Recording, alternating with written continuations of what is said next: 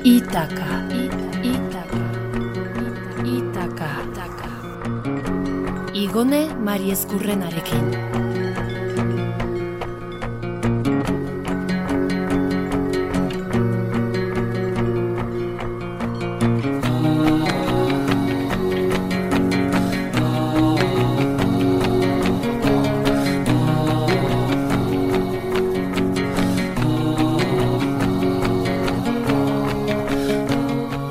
Kaixo, entzule ongi etorri ostegun arratsaldero bezala itakarantz eginez goazen bidera. Iparraldera, oso iparraldera egitera goaz. Esbalbar, Norvegiar, uarte dira. Izan ere, Eder Sagredo Gallartarrak baditu bi filia. Paisaia nordikoak eta mehatzeak. Hain justu Euskal Herriko mehatzaritza museoan egiten du berak lan.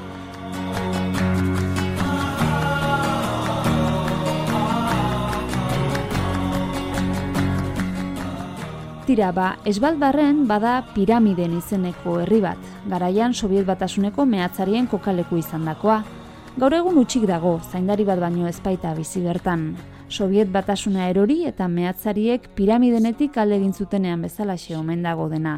Kiroldegi erraldoi bat dago, musika aretoak, Leninen omenezko irudiak non nahi, egia esan, iragan mendera atzera egiteko modu bada lekura bisitatzea ba, ederrek itzordu erakargarria agindu digu, fiordoekin, hotzarekin eta hartz polarrekin. Itaka. Itaka.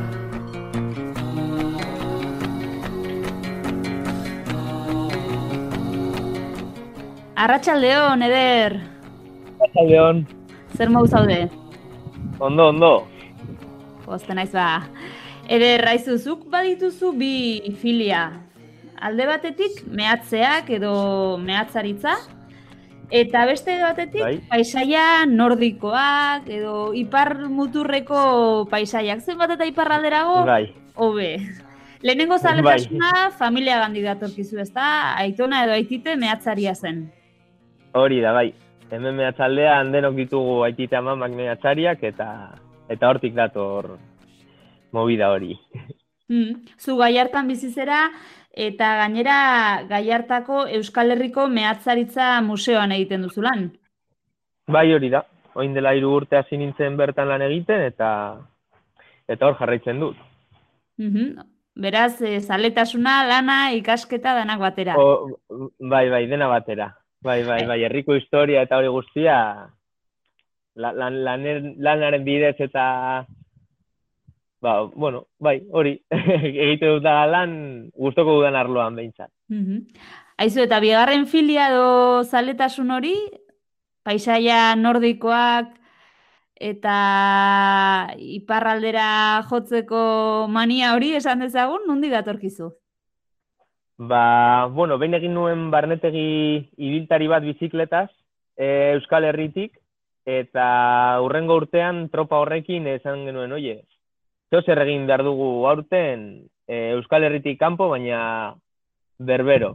Eta, eta batek, e, esan zuen, jo, ba, Islandia ni gustoko dut, agian nortik egiteko bidaitxo bat egin, egon litzateke ondo, eta azkenean hori, joan ginen Islandiara eta liru- liruratu ninduen, eta hortik aurrera egin ditut ba, beste bidei batzuk Islandiatik, Norvegiatik, eta gusto, gustoko dut eremu hori, bai. Beroa baino gainera hot- hotzarekin eh, moldatzen ez asko sobe. Ah, bai. Zer Bai, bai, bai. zintuen Islandian? Ba, askotan bakardadeak, ze dira oso herri txikiak, eta eta dago na- natura nonai. Eta hori Euskal Herrian badugu olakorik, eh? baina hori da desertu modukoa, baina, bueno, egia esan da, da desertua, baina, baina daude e, urjauziak, da, dago e, glasiarrak, daude e, sumendiak, dago dana super konzentrau ordena. Mhm. Paisaia basatia, ez? Hori da, bai, bai, bai, oso ezberdina. Tira, ba, aurkitu zenuen planetan leku bat, munduan leku bat, zure bi zaletasunak uztartzen zituena, Eta hori esbalbar da, esbalbar artxipilagoa edo esbalbar irla multzoa. Noiz izan Bai. zenuen eder leku honen berri lehenengo aldiz? Bueno, ba, behin egon nintzela Lofoten irletatik hortik egiten Norvegian daudela e, bizikletaz bidai bat, ba, ikusi nuen nora iragarki batzuk esbalbar artxipelago bat zegoela Artikoan. Mhm. Eta, eta bueno, e, egia esan e, ikusitan dituen ja glasiarrak, ikusitan nuen olako eremu, eremua, baina seguruenik zegoela zehozer hor ikusteke e, berezia. Batez ere, hain ipar, iparrean egonda, Mhm. izan dartzen oso desberdina. Así que hor ikusi nuen hori eta eta ni baneukan buruan, hor in- Mhm. inoiz joango nintzela. Mhm. Eta inoiz hori iritsi zen, zen izan zen araño iristeko bidea, e, itxasoz joan zinen, edo hegazkinez, ze eskala egin zen dituen? Eh, egin nuen hemendik Madrilera, Madrilera, Madri- Madriletik Oslora, eta Oslotik Longyearbyen herrira. Dela Esbalbardeko herri na- nagusia eta ia bakarra. bai, guztira hegazkinez lau herri bai. besterik ez dira, ezta? O- Hori da, lau herri eta hoietako hi- hiru daude dau- daude herritarrak bertan eta eta beste bat dago hor bera bakardadean. Utxik. Aizu, zergatik da Norvegia? Svalbard, zergatik da Norvegia? Bueno, eh, egia esan lehen ez zeukan, in, osea, artikoa zegoen hor kakotxen artean. Inorrezekien norena zen, norena ez zen. Eta hor e, zeuden e, ikasmeategiak eta eta errusiarrak zeuden hor e, lanean eta norvegiarrak be bai.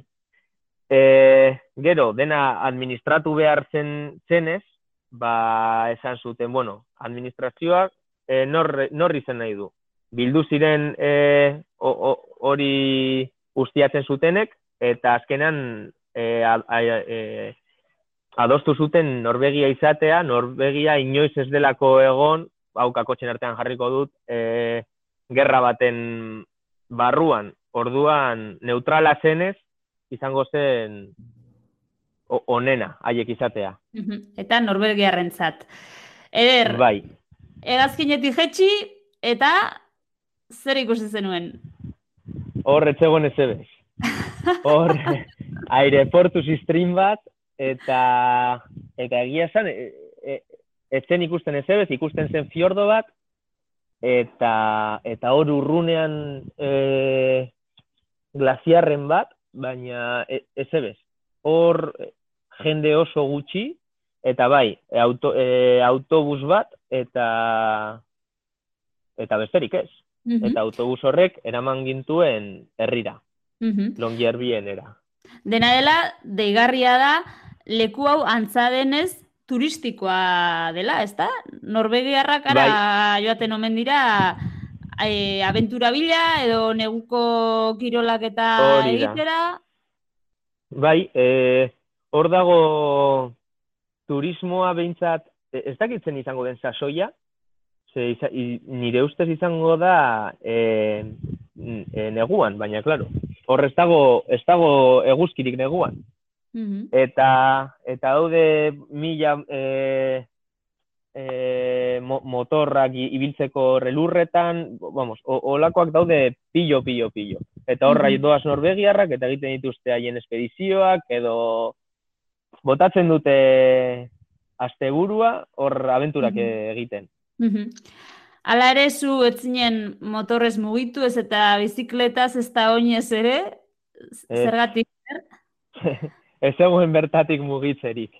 Hor, e, herria zen oso txikia, oso oso, eta eta ez zintuzten usten herritik kanpo joaten. Zeren, zeuden e, hartz txuriak, Mhm. eta hori da. Eta fusil batez bat zen eraman, ezin zen, zenuen e, herritik atera. Normalena zen, zen oso normala ikustea herritik, ba, jendea bizikletaz edo korrika denak fusila atzean, eta hori hasieran zen pizkata raro, baina, bueno, gero jende ona da, jende majua eskerrak, eta fusilarekin doaz, baina dena pakean. Eta kanpotarrek badute aukera, fusil bat eskuratzekoan? E, e, euki behar duzu armare, arma, nola esaten da, arma... Armak manejatzeko baimena edo, bai? Hori da. Baina normalena da, egin behar duzun guztia da gida batekin. Eta gida horrek eramango du fusila, eta esango dizu nondik joan, nondik ez, eta hor dago dena, dena izan behar da gidatua. Zu ezin zara joan bertara egitera nahi duzuna. Mm. Eta nolakoa zen herria? E, etxeak zeitxura zuten, bazegoen eskolarik bertan, e, umeak, bai. jendeak zeitxura zuen, mm. ze bizitza zegoen herrian? Ba, bueno, Norvegiarrek badakigu ez direla oso, bueno, e Europako iparraldekoek ez direla oso e etxetik behintzat ez dira ateratzen asko, ez dute kaleko bizitza hemen bezala, eta bazen herri bat oso isila. Mm etxeak ziren e, egurrezkoak, txikitxoak, eta, eta bai, bazeukaten eskolatxo bat, eta harreta jo ninduen, ze e, eskolatxo horrek zegoen esituta ezi mm. altu batekin. Eta ni galdetu denuen, jo, eskola zergatik hain txikiak eta ezi hain altu batekin. Eta zen hartzentzako bai. Hartzak bertara ez sartzeko eta umerik ez arrapatzeko. Aizu, beste mehatxu hartza gora eta bera, ikusi atzen nuen hartzik. Ah, ke ba, ke ba. Lehenengo egunean ailegatu nintzen esan zidaten fiordan zegoela hartz bat, joan ginen ikustera ez zegoen hartzik, eta amarre egun ostean ez genuen ikusi. Jo, ez, bueno. txarra. Ba, bai, egia, bai, bai. Bueno, urrutitik edo hartzaren presentzia sentitu zenuten urrutitik. Bai, bai, hori bai, hori bai. Alare ederzuk burutan zenuen herria aipatu didazun laugarren hori zen, ez? Utxik dagoen hori. Tira, bai. guztiz utxik ez dago, guarda bat bizi omen da bertan, gizon bai, bakar bat. Bai, bai, bai. E, herri hori du izena piramiden, eta, eta bertan, bueno, zen herri errusiarra, izan zela sovietar herri bat, eta hor bizitzen ziren familia mehatxariak. Eta sovietar batasuna e, porrot egin zuenean, e, ba, geratu zen herria utxik, baina zegoen moduan. Eta herriak dauka, bueno, hor goian, e, zituen ba, e, ospitalea, polikiroldegia, e, piscina olimpikoa, musika e, klaseak emateko gelak, zeukan denetarik. Ekipau topera. Beraz, izan zen, ez dakit, hogei garren mende erdialdeko herri mehatzari batera bidaiatza bezala, kasunetan utxik, herri fantasma bat, Baina bai, korrika eta presaka alde egin izan balute bezala, dena bertan utzi zuten, mm. eta guarda hau arduratzen da, lekua bere horretan mantentzeaz, eta Mantentzea. ezer desagertu ez dadin, eta bar. Hori da, bai. Da gainera da, hori, da, joan izan bazina beste epoka batetara. Edago dana Leninen bustoak eta olako sovietarren itxurako e, marrazkiak edonon, Polita, polita, kurioso. Eta gainera, errekor pila bat e, metatzen dira, ez da? Bai. E, Ipar hemisferioko latitude altuenean dagoen pianoa, latitude altuenean dagoen e, igerileku olimpikoa, eta bar, eta bar, horrelako bai, zerrenda bai, luze bat. Bai, guztiak, guzti guztiak metetzen ditu. eta ustiatzen dute, nola bai, leku hori, kobratzen dute sarrera, edo... Bueno, eh, sar, bueno, gauza da, e, ordaindu behar duzula, e, bidaia horra joateko. Joan behar zarelako fiordo batzuetatik e, e, itxasontziz, eta gero bertako gidak erakusten dizu lekua. Orduan hori bai, kobratzen dizute eta gainera desente. Horrez da, ez dago ezer merkerik. Da oso, oso, oso garestia. Ah, bai, eh? Bai, bai, bai. Bueno, Norvegia oso bezala, eh? Uh Eta zer keman zizun atentzioa gehien leku hartan, edo bereziki gorde duzun oroitzapenen bat? Ez dakit, bilatzen zenuen aurkitu dute zenuen? E, bai, bai, bai, bai, ni bilatzen nuen hori, eh? bakarda de hori, e, eta bidaiatzea horan e, denboran. Eta bai, hori bai e, aurkitu nuela. Eta bai, e, arreta josidan, e, hemen beti egon gara, bueno, aitite amonek egon dira beti izketan, e, tra, e, deitzen, e, me, mehatzea, mehatzetik e, itxasoa eramateko garraiatzeko mea, eramaten zituztela e, olako ten, trenbide aereoz deitzen ziren. Eta guk ez, ez ditugu hemen inoiz ikusi, baina gontzen mm -hmm. plagau. Eta joan behar izan nintzen artikora hoiek ikustera. Eta, eta nik ikusten dituen esbalbarden, Aititek bai, bai. eta mama kontatutako horiek. Izan ere, herri hau esezik, aipatu duzun herri hau esezik, mehatze bat ere bisitatu zenuen, ikatz mehatze bat, okerrez banago? Bai, bai, bai. Bai, e, hori bizitatu genuen, eta, eta bueno, ikatz mehatze guztiak dira, dira ber, ber, berdinak. Baina izan zen bastante kurioso, ze gainera e, mehatzearen barru aldean, e, egite, e, gordetzen zituzten e, asiak. Hor dago e, munduko hasi, hasien biltegi, biltegi bat, eta noizbait beharko badira e, landatzeko mm ez dakit, izurrite bat badator edo olako gauza raro bat badator. Beste pandemia raro bat, Bai, hori da. Beste eramat bateko pandemia bat badator, ba, ba mundua ber, berriro birplantatzeko. Berriz ere martxan jartzeko. Hori da, bai, bai. Zer jantzen utenan? Zer jantzen nuenan egon zinen bitartean? Oh, ba, ba, ba gutxi, txarto eta ta garesti. Ah, bai, eh? eh bai. Haze plana? Bai, ba, ba, bai.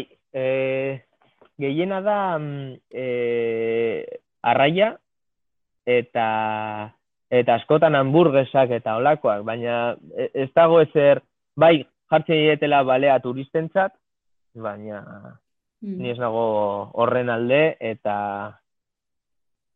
baina bueno, ezer berezirik benetan. Ez dago Norvegiarrak, ezer berezirik. Norvegiarrak ez bai? ziren turista asko ikusi zen dituenan? Ez, ni ez nuen ikusi ia turistarik. Ze joan ginen e, irailean eta irailean etzegoen kasi inor.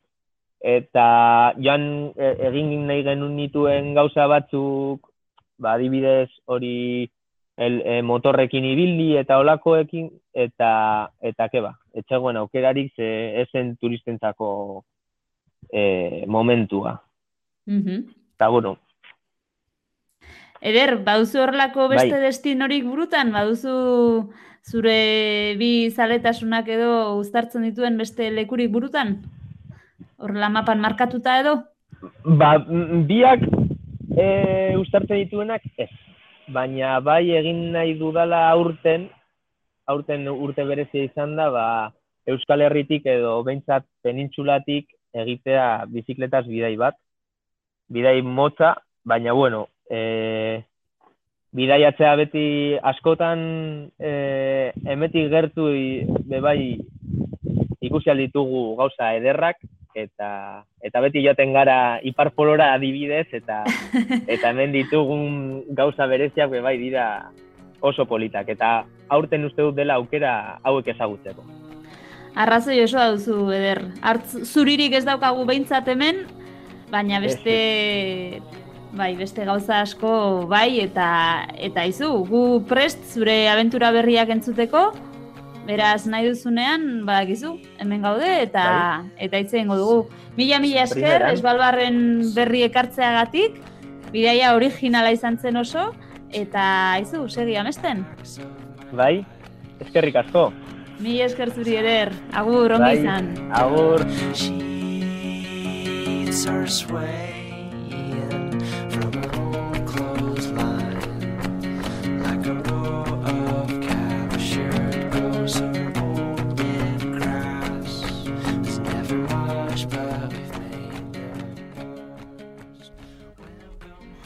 Han etzegoen ezer eta horrek liluratu ninduen.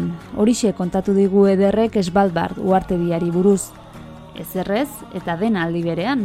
Bakardadea, natura basatia, artikoa.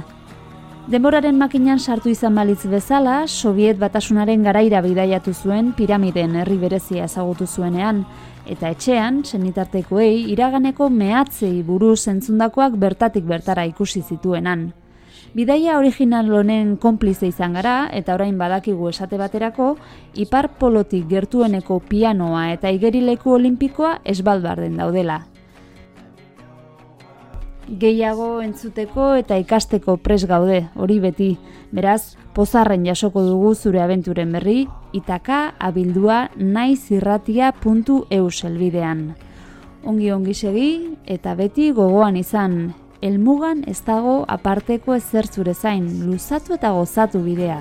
Aio!